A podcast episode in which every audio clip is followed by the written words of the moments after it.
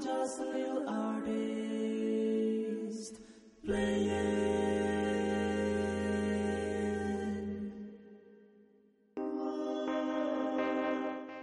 Las señales de la selva rozan el límite de lo que el espíritu humano es capaz de evaluar.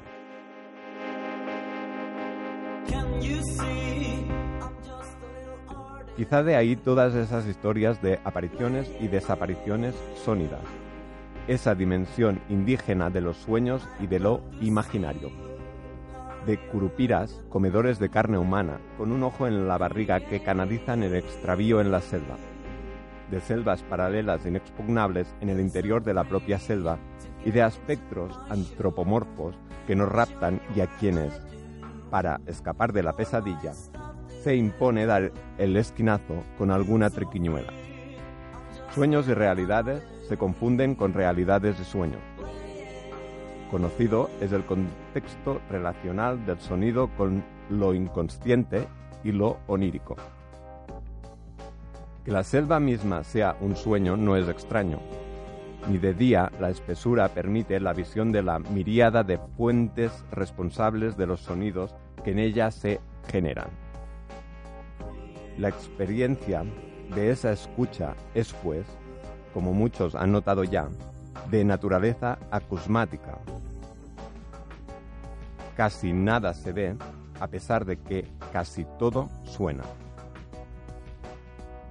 Notes de camp, Josep Manuel Berenguer.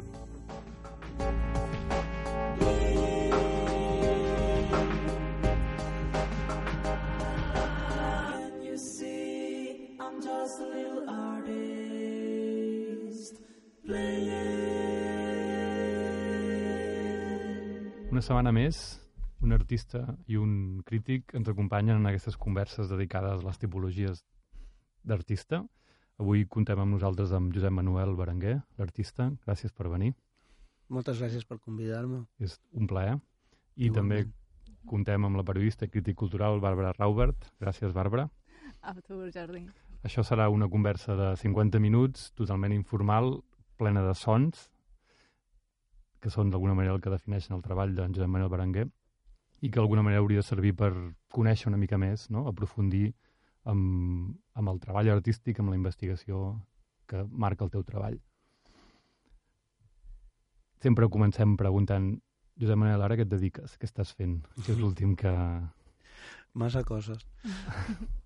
uh, bueno, mira, ara et diré el que, el que faré dintre de poc, diguéssim.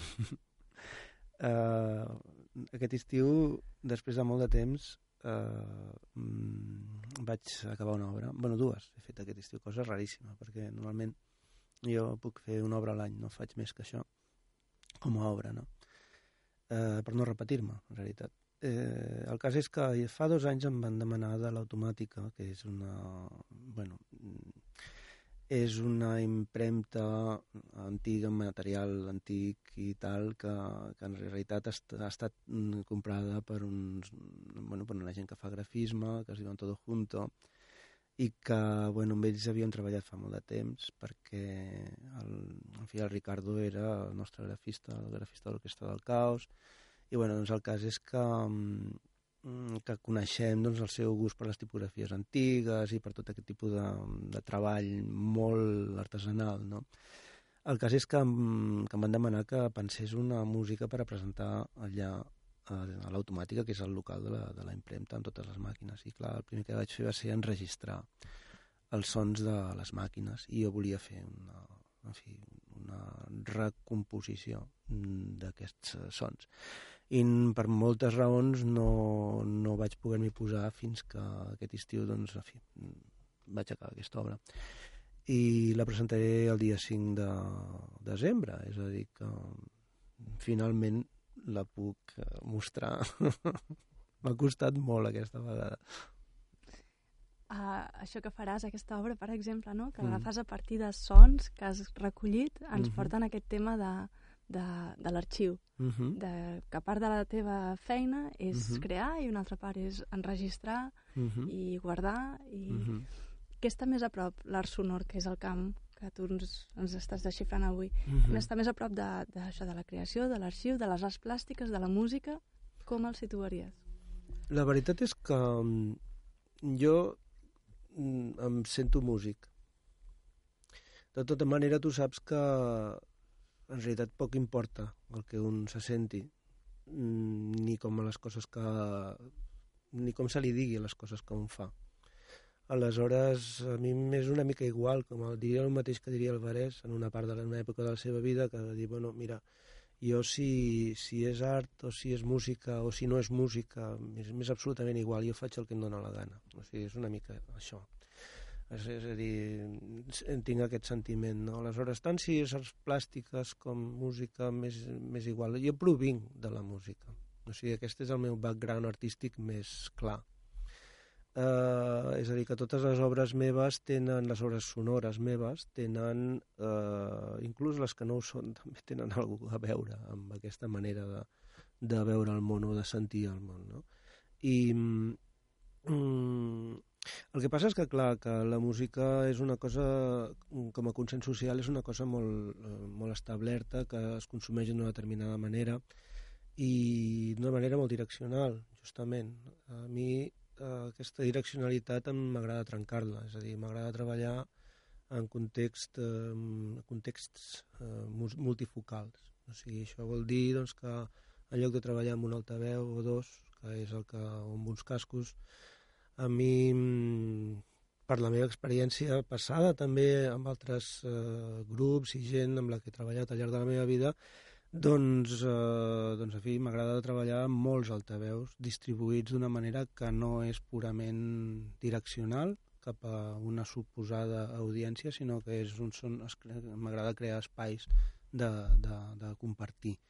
O sigui, aleshores els artistes o, i els públics i tots aquests o sigui, perden la seva, la seva situació natural o, o tradicional. O sigui, no m'agrada eh, que l'artista estigui com un xaman en un escenari que estigui reproduint la figura de, de, la, de la missa, en realitat. O sigui, això és el que passa molt en la música. Els músics som una mica això, o sigui, mm, direccionals, no? O sigui, és, és la, la càtedra en un determinat moment eh, i aleshores en un altre lloc hi ha uns que estan asseguts i que escolten. Això no és eh, el, meu, Ja. el meu ideal. Normalment, a, a mi em dóna la sensació que estàs parlant més d'una cosa més orgànica. Sí, No? sí. La cosmàtica, que era el La tema una cosmàtica. mica de, de, que, que vaig llegir un text teu sobre Mhm. el tema de la cosmàtica, és molt interessant, no? i té a veure amb això, amb, el, sí. amb els sons que no saps d'on venen, La, sí, i també em fa pensar en un altre background teu, que és el de la medicina. sí. I de quina manera la medicina t'ha fet sentir les coses diferent, tu creus? No sé, no sé si m'ha sentit... Bueno, eh, les experiències de qualsevol mm, són importants mm, per a contaminar eh, vull dir, el passat d'un és important per, per, per contaminar el present, faci, sigui el context en el que estigui, no? Aleshores, és veritat, mira, jo vaig estudiar Medicina, em vaig llicenciar, eh, em vaig especialitzar en Psicologia Clínica, eh, és a dir, que, bueno, que, que la qüestió, diguéssim, psicològica i de la percepció era una cosa que m'interessava molt, sempre m'havia interessat molt. Uh, m'havia interessat moltíssim la ment, jo en principi volia ser psiquiatre, després vaig decidir que no, que això de... Bueno, en fi, que, que no era aquesta la meva... Però sí que la qüestió de la ment i de la percepció m'interessava molt i vaig, vaig, vaig anar cap a, aquesta, cap a aquesta altra especialitat que era mm, en fi, que era, tenia més a veure doncs, amb la eh, doncs, amb la farmacologia i amb la, en fi, amb, sí, que era un tema que, que, que m'interessava molt també, o sigui que la psicofarmacologia m'interessava, en fi, vaig estar treballant a Sant Pau en, en el departament, Mm, i bueno, en fi, el cas és que això de jove, eh, vull dir. I després, doncs clar, eh, aquest, eh, aquesta relació amb els coneixements mm, de la tradició científica sobre la percepció doncs és un tema doncs que, que clar, que la, a, en, en interessar-me a mi el so, doncs, en fi, em, em vaig anar especialitzant amb aquesta... eh, eh, o sigui, amb una forma d'escoltar eh, relacionada amb, amb, bueno, amb el coneixement científic sobre el so i sobre la percepció del so, és a dir, sobre el que es diu la psicoacústica, no? o sigui, que és la psicofisiologia del so. Aleshores, en aquest, això m'ha servit eh, clar que m'ha servit, m'ha servit molt. O sigui, justament en el, a mi m'interessava molt la computer music en els anys 80 i em continua interessant, diguéssim. Eh, en el moment en què jo em vaig començar a interessar per la computer music, clar, com que els científics que feien, els informàtics que feien, diguéssim, aplicacions per a fer eh, per a fer comportaments musicals i sonors i per a fer síntesi de so, es basaven, evidentment, en el coneixement científic sobre la percepció. I aleshores, en aquest sentit, com que jo era un tema que el coneixia relativament bé, mai es pot dir que es coneix bé res, però bueno, estava relacionat, estava familiaritzat amb aquest tipus de, de, de metodologies i de, i de pensament, o de, de, de, de, de, de lectures, bàsicament, doncs aleshores eh, m'era relativament fàcil eh, entrar en aquesta computer music. O sigui, això t'estic parlant ja dels anys 80. Mhm. De cop veiem un artista amb moltes capes o amb molts registres i també et volia preguntar la relació d'aquest so, d'aquest so transformat, tant de l'arxiu com de la creació del so o la recreació del so, quina relació té també amb, amb la imatge, amb, amb el món de les visuals i amb el món artístic que sovint acompanya el món de les visuals, el centre d'art, el museu, tot allò que a vegades s'engloba dintre un circuit de la creació contemporània no, dels artistes visuals, que precisament potser això és bo de subratllar en aquest context de tipologies d'artistes Mm. on la majoria dels que ens acompanyen no són només artistes sonors, sinó que generen imatges, no? generen Mm. objectes. Home, sí que té a veure amb les visuals. Hi, hi ha molts punts de relació. El que sí que et puc dir és que el domini perceptiu, el domini cognitiu de la imatge el domini, i el domini cognitiu del so no, no són el mateix. O sigui, tu penses imatges per un costat i penses sons per un altre. Almenys aquesta és la meva experiència interna. O sigui, jo diria que és bastant general, això. És a dir, que són temps diferents, o sigui, són jos diferents, o sigui, en el sentit dels agregats de consciència, mm, diguem-ne, budistes. Jo no sóc budista, ni sóc res, però bueno, en qualsevol cas, o sigui, les tradicions, diguéssim, de coneixement són, em semblen totes fascinants i aquesta, concretament, aquesta idea de l'existència de molts jos, doncs és una cosa que, mm, amb la que m'hi sento força identificat. O sigui, no, no pot dir que un és d'una manera o d'una altra, un és de mil maneres diferents.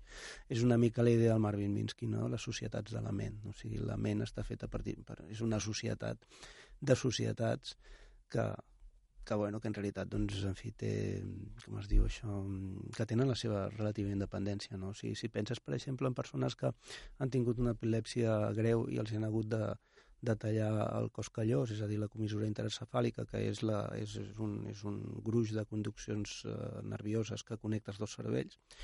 Si tu saps que, que, que, que, que mm, bueno, saps que, que la informació del quiasme òptic, la, la informació dels ulls, o sigui, quan passen pel quiasme òptic passa, diguéssim, es, es, es, creu el, es creu la informació, però una part del camp òptic fa que eh, o sigui, queda en un costat i una altra part del camp òptic queda en un altre costat. I hi ha una part que és compartida. Si tu eh, li fas un experiment, o sigui, fas un, dissenyes un sistema suficientment sofisticat com, per, com perquè eh, com per posar una, un, una pregunta amb un costat de la, del camp òptic que passi només amb un, dels dos, amb, amb un del costat, és a dir, pots adreçar preguntes amb un cervell i amb l'altre. I aleshores resulta que, eh, segons quines preguntes, les respostes són totalment oposades.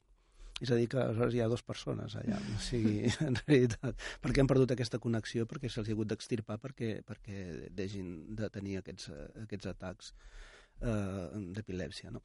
Aleshores, mm, la relació... Hi ha una relació visual, diguéssim. Per exemple, clar, tenim... Abans m'estava dient, "I quins altaveus són aquests? Bueno, els altaveus són una cosa molt lletja en principi, però poden... Però tot i que siguin lletjos o que siguin... Eh, en els concerts, per exemple, la gent els posa molt malament, o sigui, es veuen els altaveus, els cables, tal i qual. O sigui, jo crec que que, que tot i amb això són, són susceptibles de, de matèria plàstica. Aleshores, no sé, no sóc l'únic eh, artista que ha utilitzat els altaveus com a, com a matèria plàstica. Per exemple, aquí hi ha, perdoneu, aquí hi ha una primera, una primera aproximació, no? Uh, després hi ha una altra, una altra relació, que és la relació amb el moviment. O sigui, no sé, per exemple, uh, el, movi- la música és moviment, bàsicament, o sigui, té lloc en el temps. Aleshores, hi ha eh, obres plàstiques doncs, que també tenen moviment. Aleshores, per mi, moltes vegades aquest moviment eh, de les obres plàstiques té molt a veure amb, el, amb la idea d'anticipació, que, que pot ser molt important a la música, és a dir, què és el que farà allò i quan ho farà. Eh, quan sentiràs una cadença o quan no sentiràs una altra, o tu segueixes una melodia i diràs, bueno, ara sembla que anirà cap allà, però no, va cap a una altra. O sigui, hi ha, un, hi ha, hi ha aquesta dialèctica entre el que tu preveus i la sorpresa que, d'alguna manera, eh, diguéssim, m'ajuda doncs, a la percepció estètica o, in, o, o contribueix en la qüestió de la percepció estètica de la música que també està, per, pel meu gust, en, present en la qüestió visual. Visual en la previsió del moviment com es farà. Jo tinc obres que es mouen, o sigui, aleshores aquestes obres que es mouen mmm, jo les percebo eh, eh, com et diria tractant d'anticipar quan farà aquell moviment o quan no el farà, és a dir, que és una situació molt, molt semblant. I si m'equivoco, doncs vale, dic, mira que llest que és, m'ha enganyat, i si no, diré, mira que llest sóc jo que t'he pogut trobar. Però, bueno, en fi, és una forma d'escolta.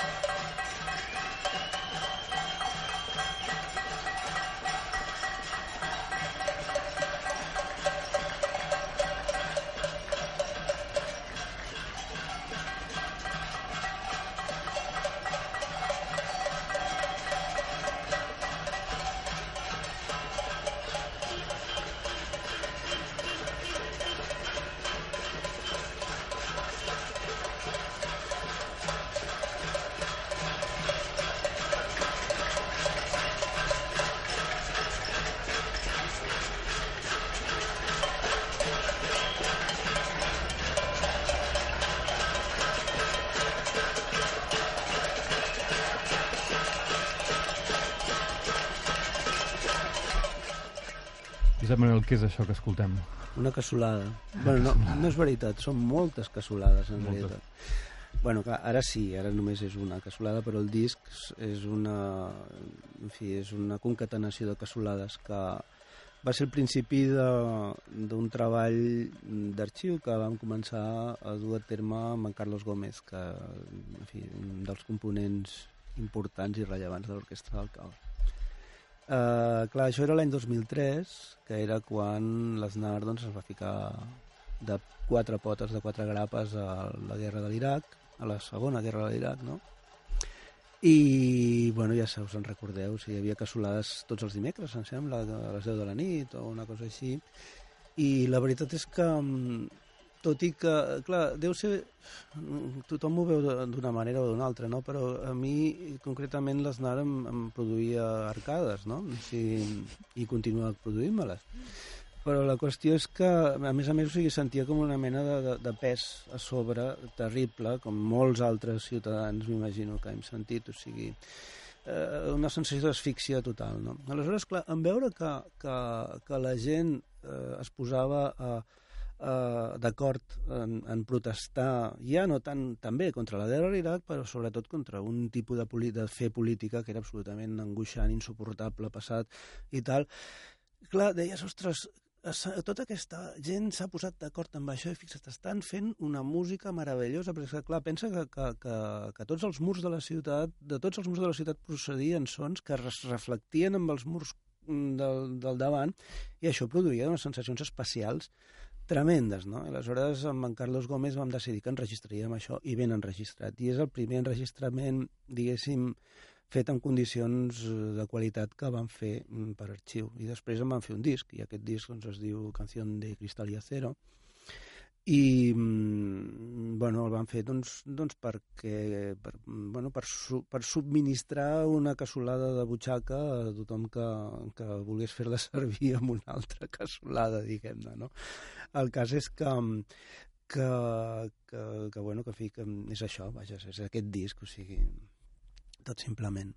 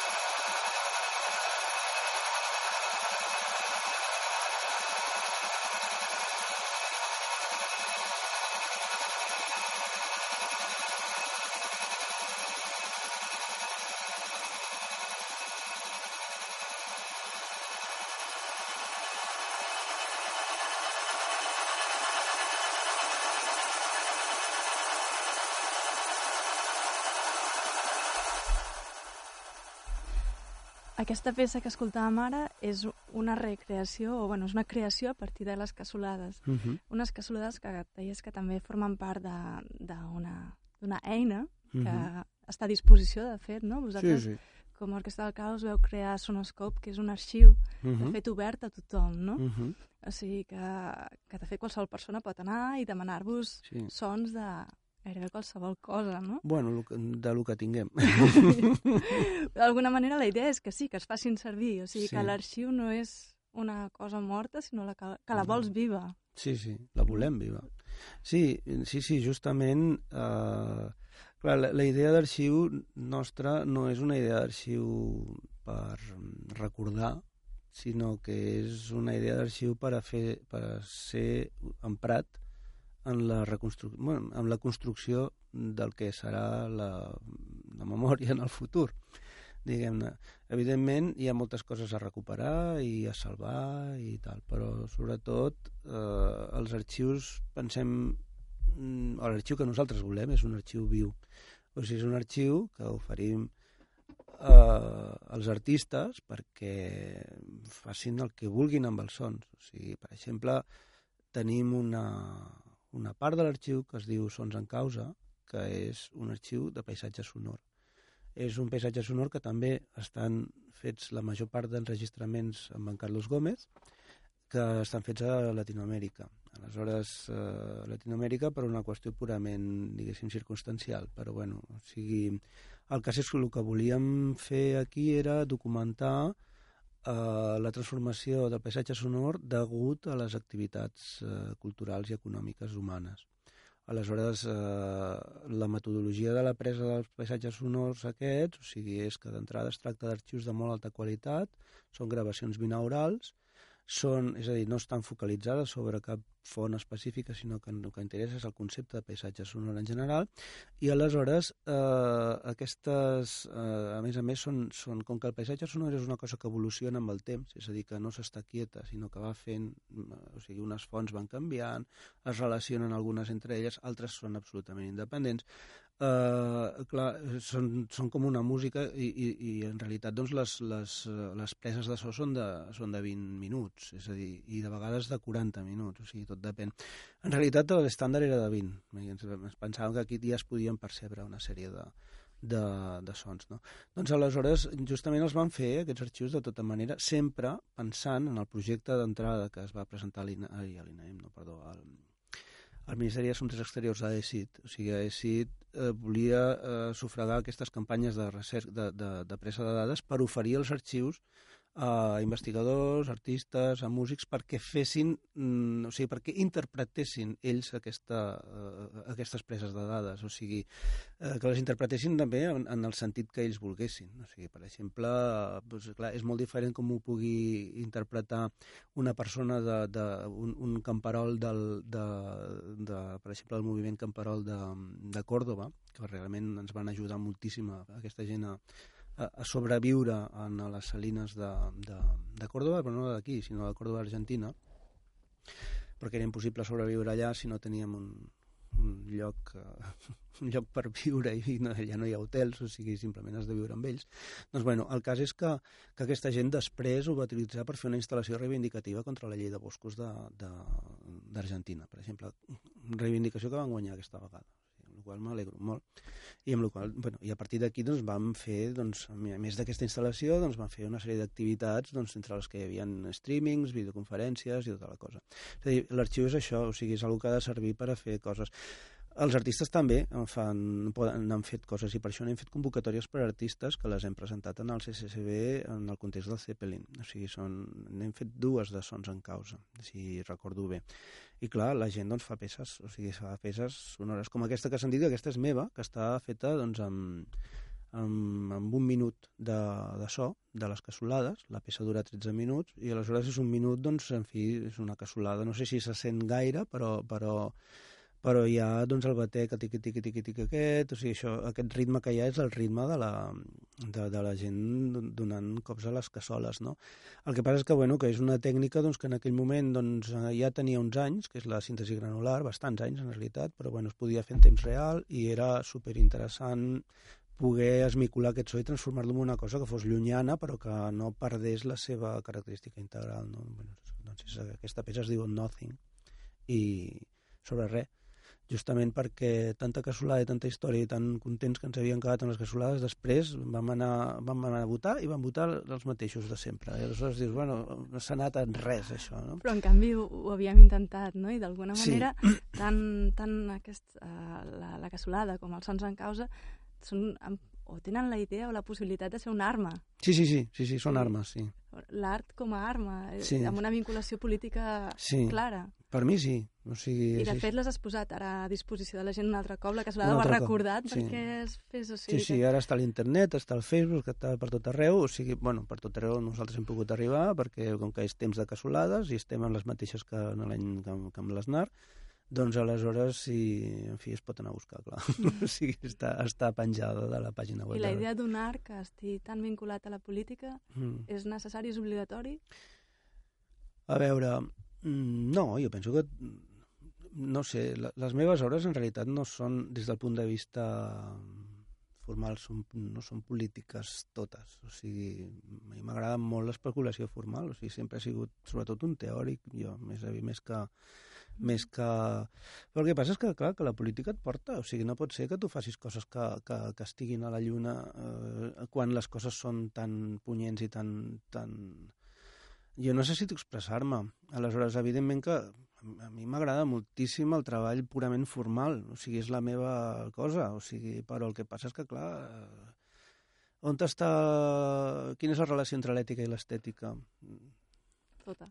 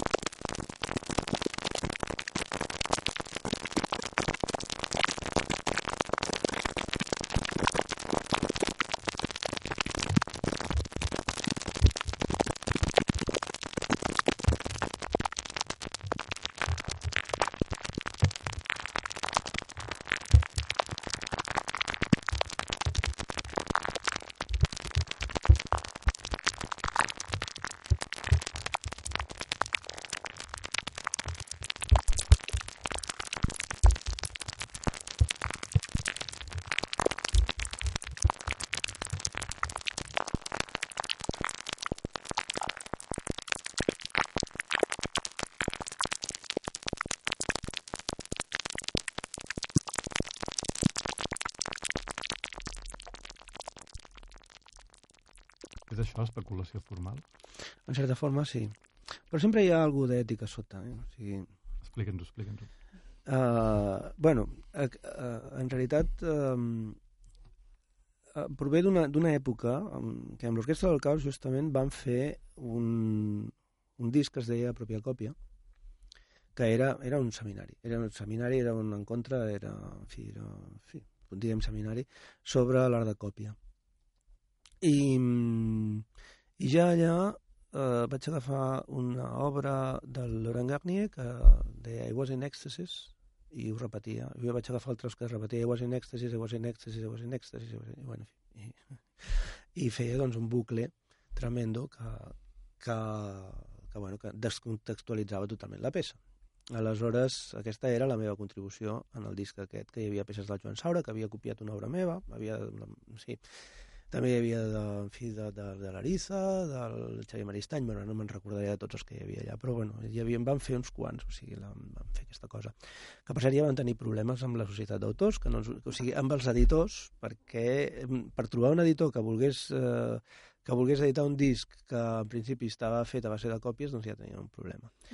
Bueno, aleshores, eh, quan em van demanar de fer aquesta peça dur, que es diu que me la van demanar al grup de música experimental de Bourges, mm, que era l'any 2000, el, mil, el 1999, vaja, doncs eh, encara continuava pensant en això, estava pensant en el bombo de Laurent Garnier.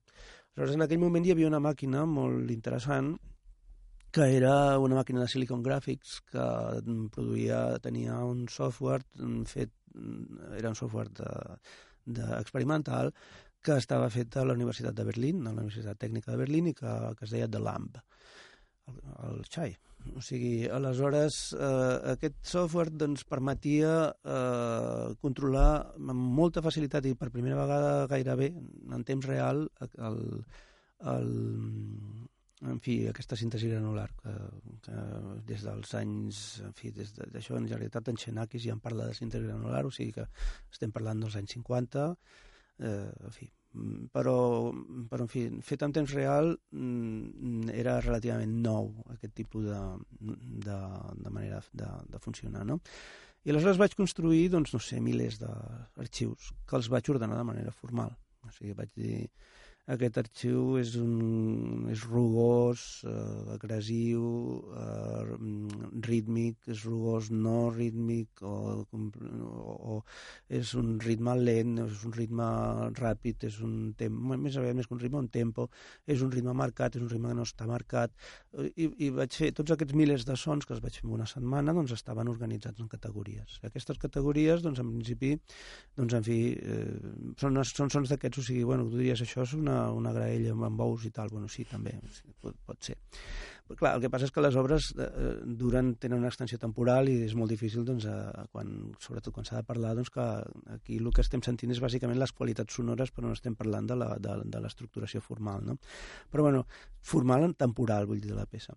Doncs, aleshores, el que vaig fer, doncs, és això, tenia en aquella època un dispositiu d'enregistrament a 24 pistes i vaig agafar els trossos aquests de, de sons i els vaig anar posant com a maons en una paret, en un mur i bueno, doncs els vaig eh, ordenar, o sigui, quan se m'acabava una classe continuava amb una altra classe de sons, o sigui, així, fins que se'm van acabar les classes i els sons i bueno, allò durava 10 minuts a 24 pistes. Bueno, doncs, eh, doncs bueno, en el moment en què m'ho vaig posar a escoltar no sabia què és el que sonaria perquè no havia volgut escoltar res.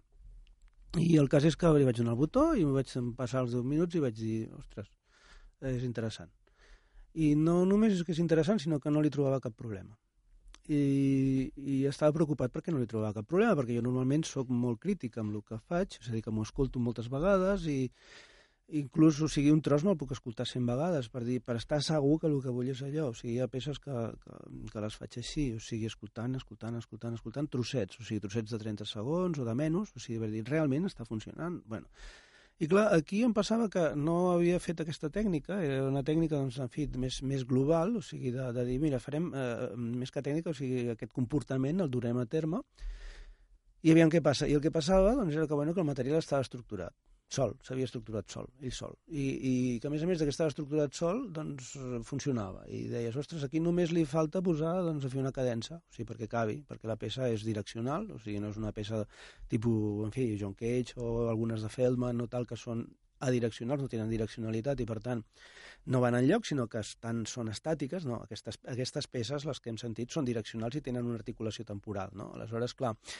eh, els 10 minuts s'havien complert, estaven bé, però bueno, s'havien d'acabar, o sigui, d'alguna manera. I bueno, doncs va acabar. O sigui, simplement vaig fer una cosa que una petita un, no sé, una finta i amb aquesta finta doncs va acabar la peça i clar, la vaig estar escoltant una setmana i no estava convençut de que de que pogués passar que no tingués cap problema i al final em vaig haver de decidir que sí, que no hi havia problemes i que la peça així es quedava. Mm. Aquesta és una... Ens has explicat ara com funciones un exemple d'una creació, no? I n'has mm. fet moltíssimes de molt diferents, mm -hmm. però després mm. també tens una altra vessant uh, artística, però mm. potser més dinamitzadora, que mm -hmm. és la que, la que capitaneges en l'Orquestra del Caos, no? Sí. I, de fet, moltes durant la conversa parlaves en plural mm -hmm. referint-te a l'orquestra. Sí, sí, quan no? parlo en plural parlo de l'orquestra. Evidentment, no, no, és el, no, és el, no és el mai estàtic aquest, no, no, no. Però per això potser estaria bé que ens expliqués una mica com va sorgir l'orquestra, per què i les coses tan diferents que heu fet, no? De fet, mm -hmm. si vols, jo t'explico el primer cop que vaig saber de l'orquestra mm -hmm. era a la sopa.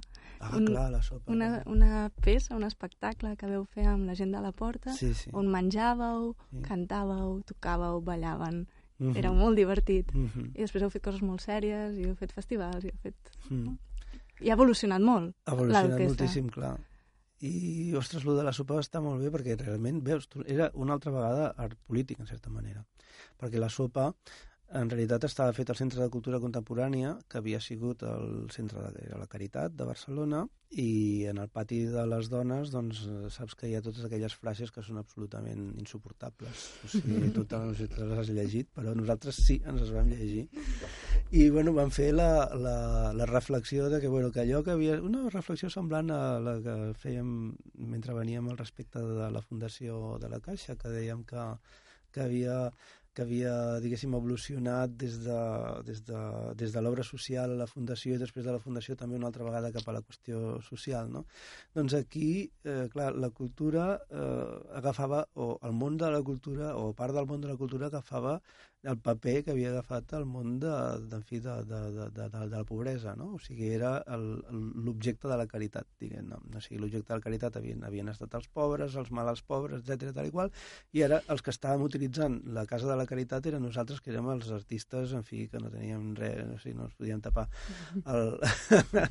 I aleshores, per això, era la sopa que ens sentàvem tots allà com si estiguéssim en un, no sé, en un hospici o una cosa així, i estàvem allà ballant, que realment va ser una experiència molt maca aquesta dius tu, que érem la primera formació de l'Orquestra del Caos, que, eh, clar, l'Orquestra del Caos era, mm, no tenia un projecte específic, o sigui, érem uns amics que havíem evolucionat per molt diferents versions. Hi havia, hi havia el Xavier Maristany, hi havia l'Agustí Fernández, hi havia el Joan Saura, Uh, sí que, bueno, amb el Joan i, i sobretot amb el Joan jo havia fet un grup uh, quan érem joves, o sigui que es deia Rambliolia i que era un grup que, bueno, que d'alguna manera doncs, era, estava dintre del rotllo, diguéssim, pop, uh, no sinfònic, però sí pop cultivat, diguéssim, o, o, o, o rock i pop difícil de tocar, diguéssim. No, no, era, no era el 4-4, sinó que justament ens agradaven tempos complicats i tal, o sigui, bueno, en fi, eh, complicar-nos la vida, no? Aleshores, aquí hi havia doncs, tota una sèrie de gent que, bueno, que després cada qual va anar pel seu costat. Amb el Xavier Maristany, per exemple, ell i jo doncs, havíem estudiat eh, la manera de composar del Messien, ens havíem tirat hores llegint el llibre del Messien i, bueno, i i no sé, i amb els altres doncs, altres, altres històries similars. I en un moment donat doncs, ells s'havien reunit i, i amb, jo no feia gaire que, que havia tornat de França eh, i em van dir de, de fer alguna amb ells. I ens vam posar a treballar. I el que en realitat el que fèiem era una big band que eh, més aviat jazzística, improvisadora i tal, que pretenia extendre el treball amb altres, eh, altres dominis. Per exemple, parlaven de fer coses amb cuiners, de, evidentment de fer coses amb ballarins, de fer coses amb altres artistes, o sigui, de fer una mica de... bueno, d'iniciar un, un camí de transversalitat, no? El que passa és que, bueno, que al final eh, l'orquestra, eh, alguns dels components de l'orquestra van, van expressar, o sigui, van eh, van dur a terme el seu projecte i quan van fer el seu projecte doncs ja mm, l'orquestra ja no tenia massa sentit per a ells. En canvi, a l'estar l'orquestra en el Centre de Cultura Contemporània, a la Clara Garia, a mi ens va semblar que la qüestió social podia ser un term, una qüestió interessant a tenir en compte. És a dir, que, que d'altra banda, clar, que l'orquestra com a Big Band, com per exemple eh, o sigui, com un grup musical, com per exemple estava a Barcelona 216 també en el mateix lloc que, que, que l'orquestra, no tenia sentit el Centre de Cultura Contemporània de Barcelona.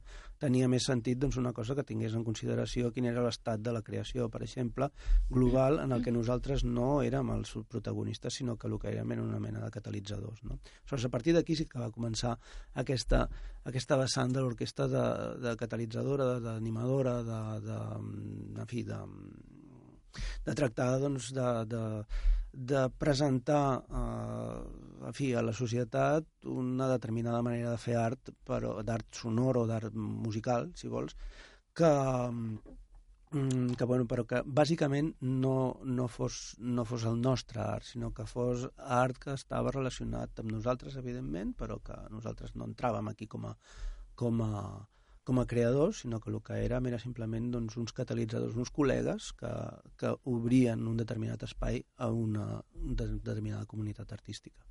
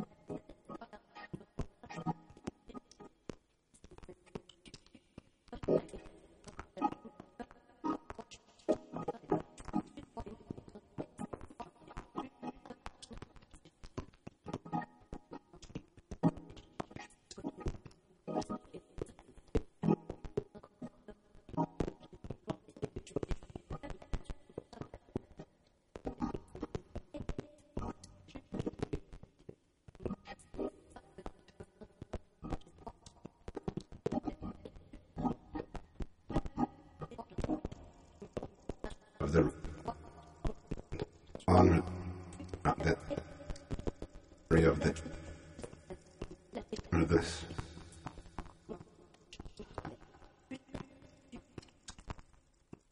It larger than that of memory.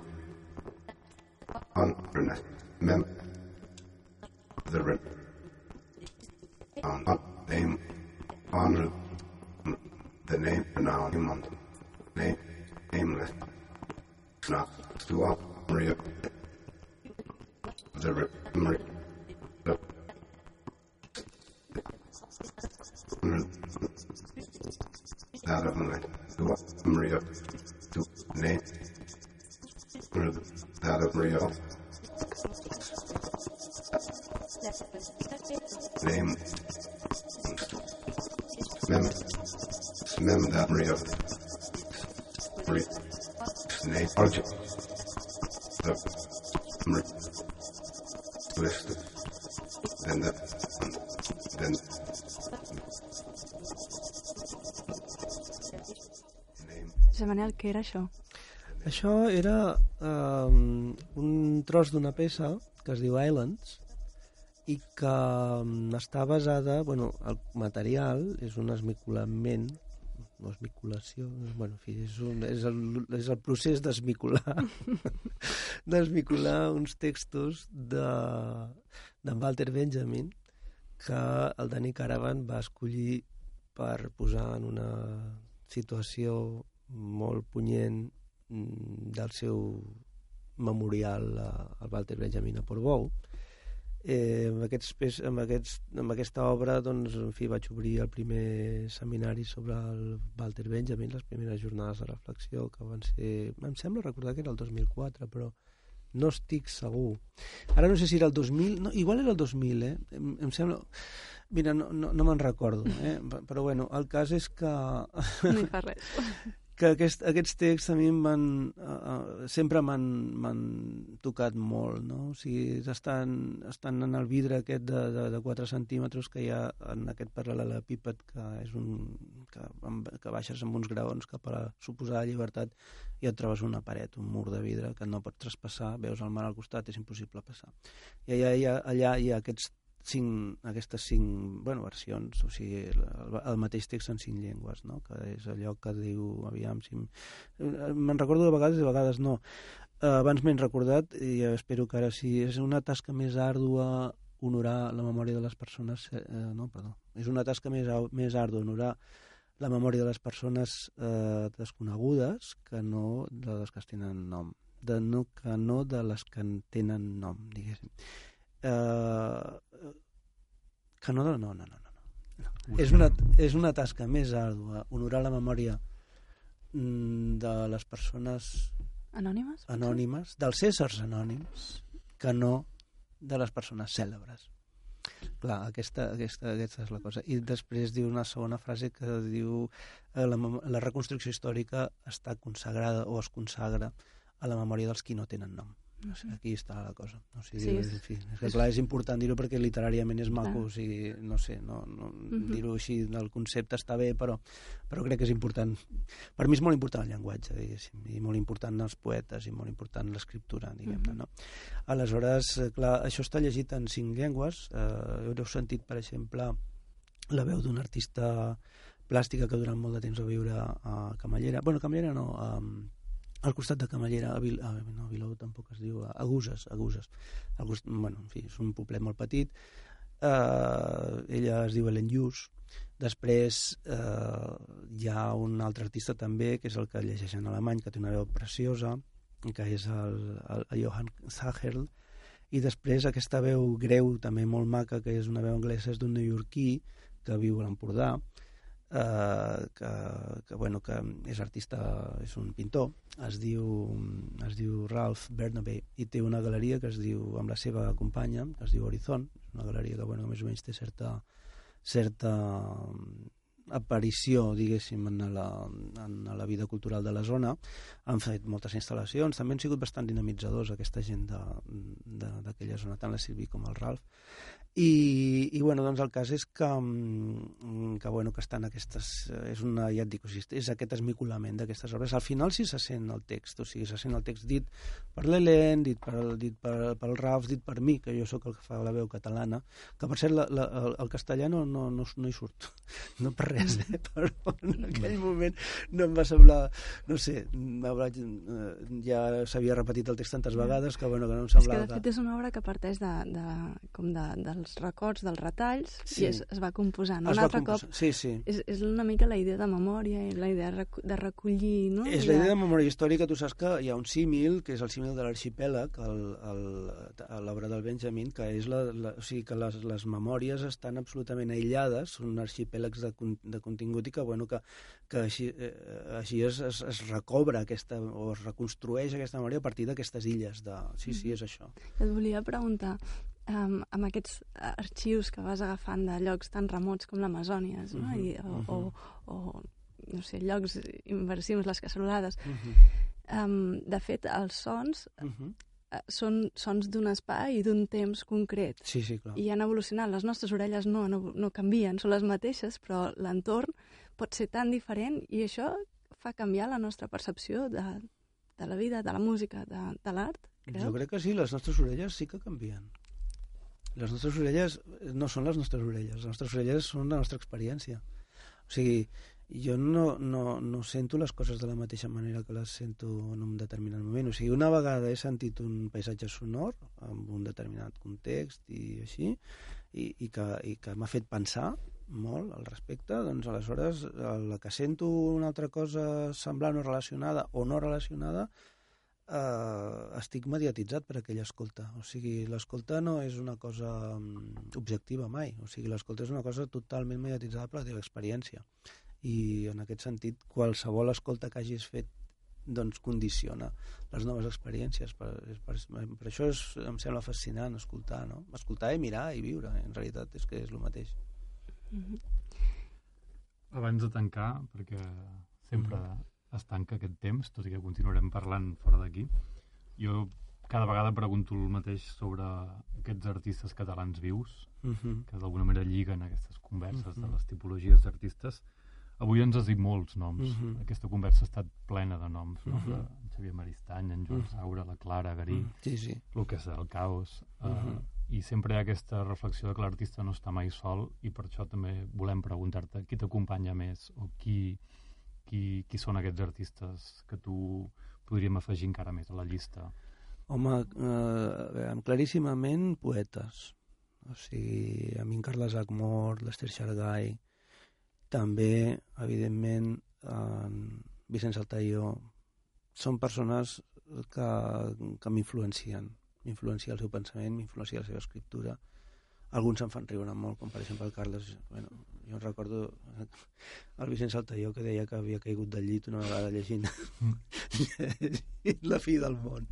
Aleshores, bueno, per mi són fonamentals. O sigui, la veritat és que m'agrada molt seguir-los. Després també vaig estar treballant amb una, amb una poetessa més molt més jove, que és la, la Laia Noguera, que verdaderament, eh, en fi, la seva manera de, de, de dir la poesia, la seva manera de viure la poesia realment em va, em va arribar a tocar molt, la veritat. Ara fa molt de temps que no ens veiem. Mm, després, ars- eh, bueno, artistes plàstics, la veritat és que hi ha molts. O sigui, abans parlaven del Francesc Abad, a mi el Francesc Abad m'interessa moltíssim, en realitat, tot el que ha fet.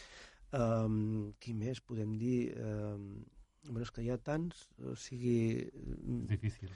És molt difícil, o sigui, a, a mi m'agrada l'art i, i, i, i sobretot doncs, doncs m'agrada eh, sentir-me eh, sentir-me proper de, dels artistes que són els, els seus col·legues, no? És a dir, que, que d'alguna manera, ara poder no em surten per més, però, però vaja, eh, n'hi ha moltíssims, eh?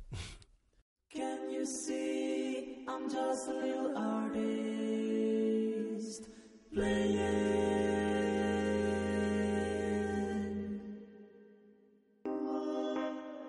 jo crec que fins aquí acabaria aquesta primera part d'aquesta conversa que continuarem fora d'aquí. i abans de marxar, doncs, tornar-te a agrair, Josep Manuel, que ens hagis acompanyat. Jo estic encantat. I Bàrbara, també, que hi siguis. Moltes gràcies per tenir aquesta conversa tan simpàtica. Nosaltres estem molt contents d'estar aquí a, Ràdio, a Mataró Ràdio i cada setmana diem el mateix que ens acompanya un munt de gent. Tenim en Pere Sánchez el control tècnic i el Melció que ens llegeix els textos, el Melció Casals. També tenim una sintonia d'en Bru Ferri que obre i tanca aquest programa i tenim la Júlia Cuyàs i el Pol Car que enregistren. Tot això és un experiment quasi sonor també que es vincula a aquest projecte de tots els artistes catalans vius que promou el Museu de la Pintura de Sant Pol i el MAC de Mataró. Doncs ens trobem la setmana que ve. Moltes gràcies.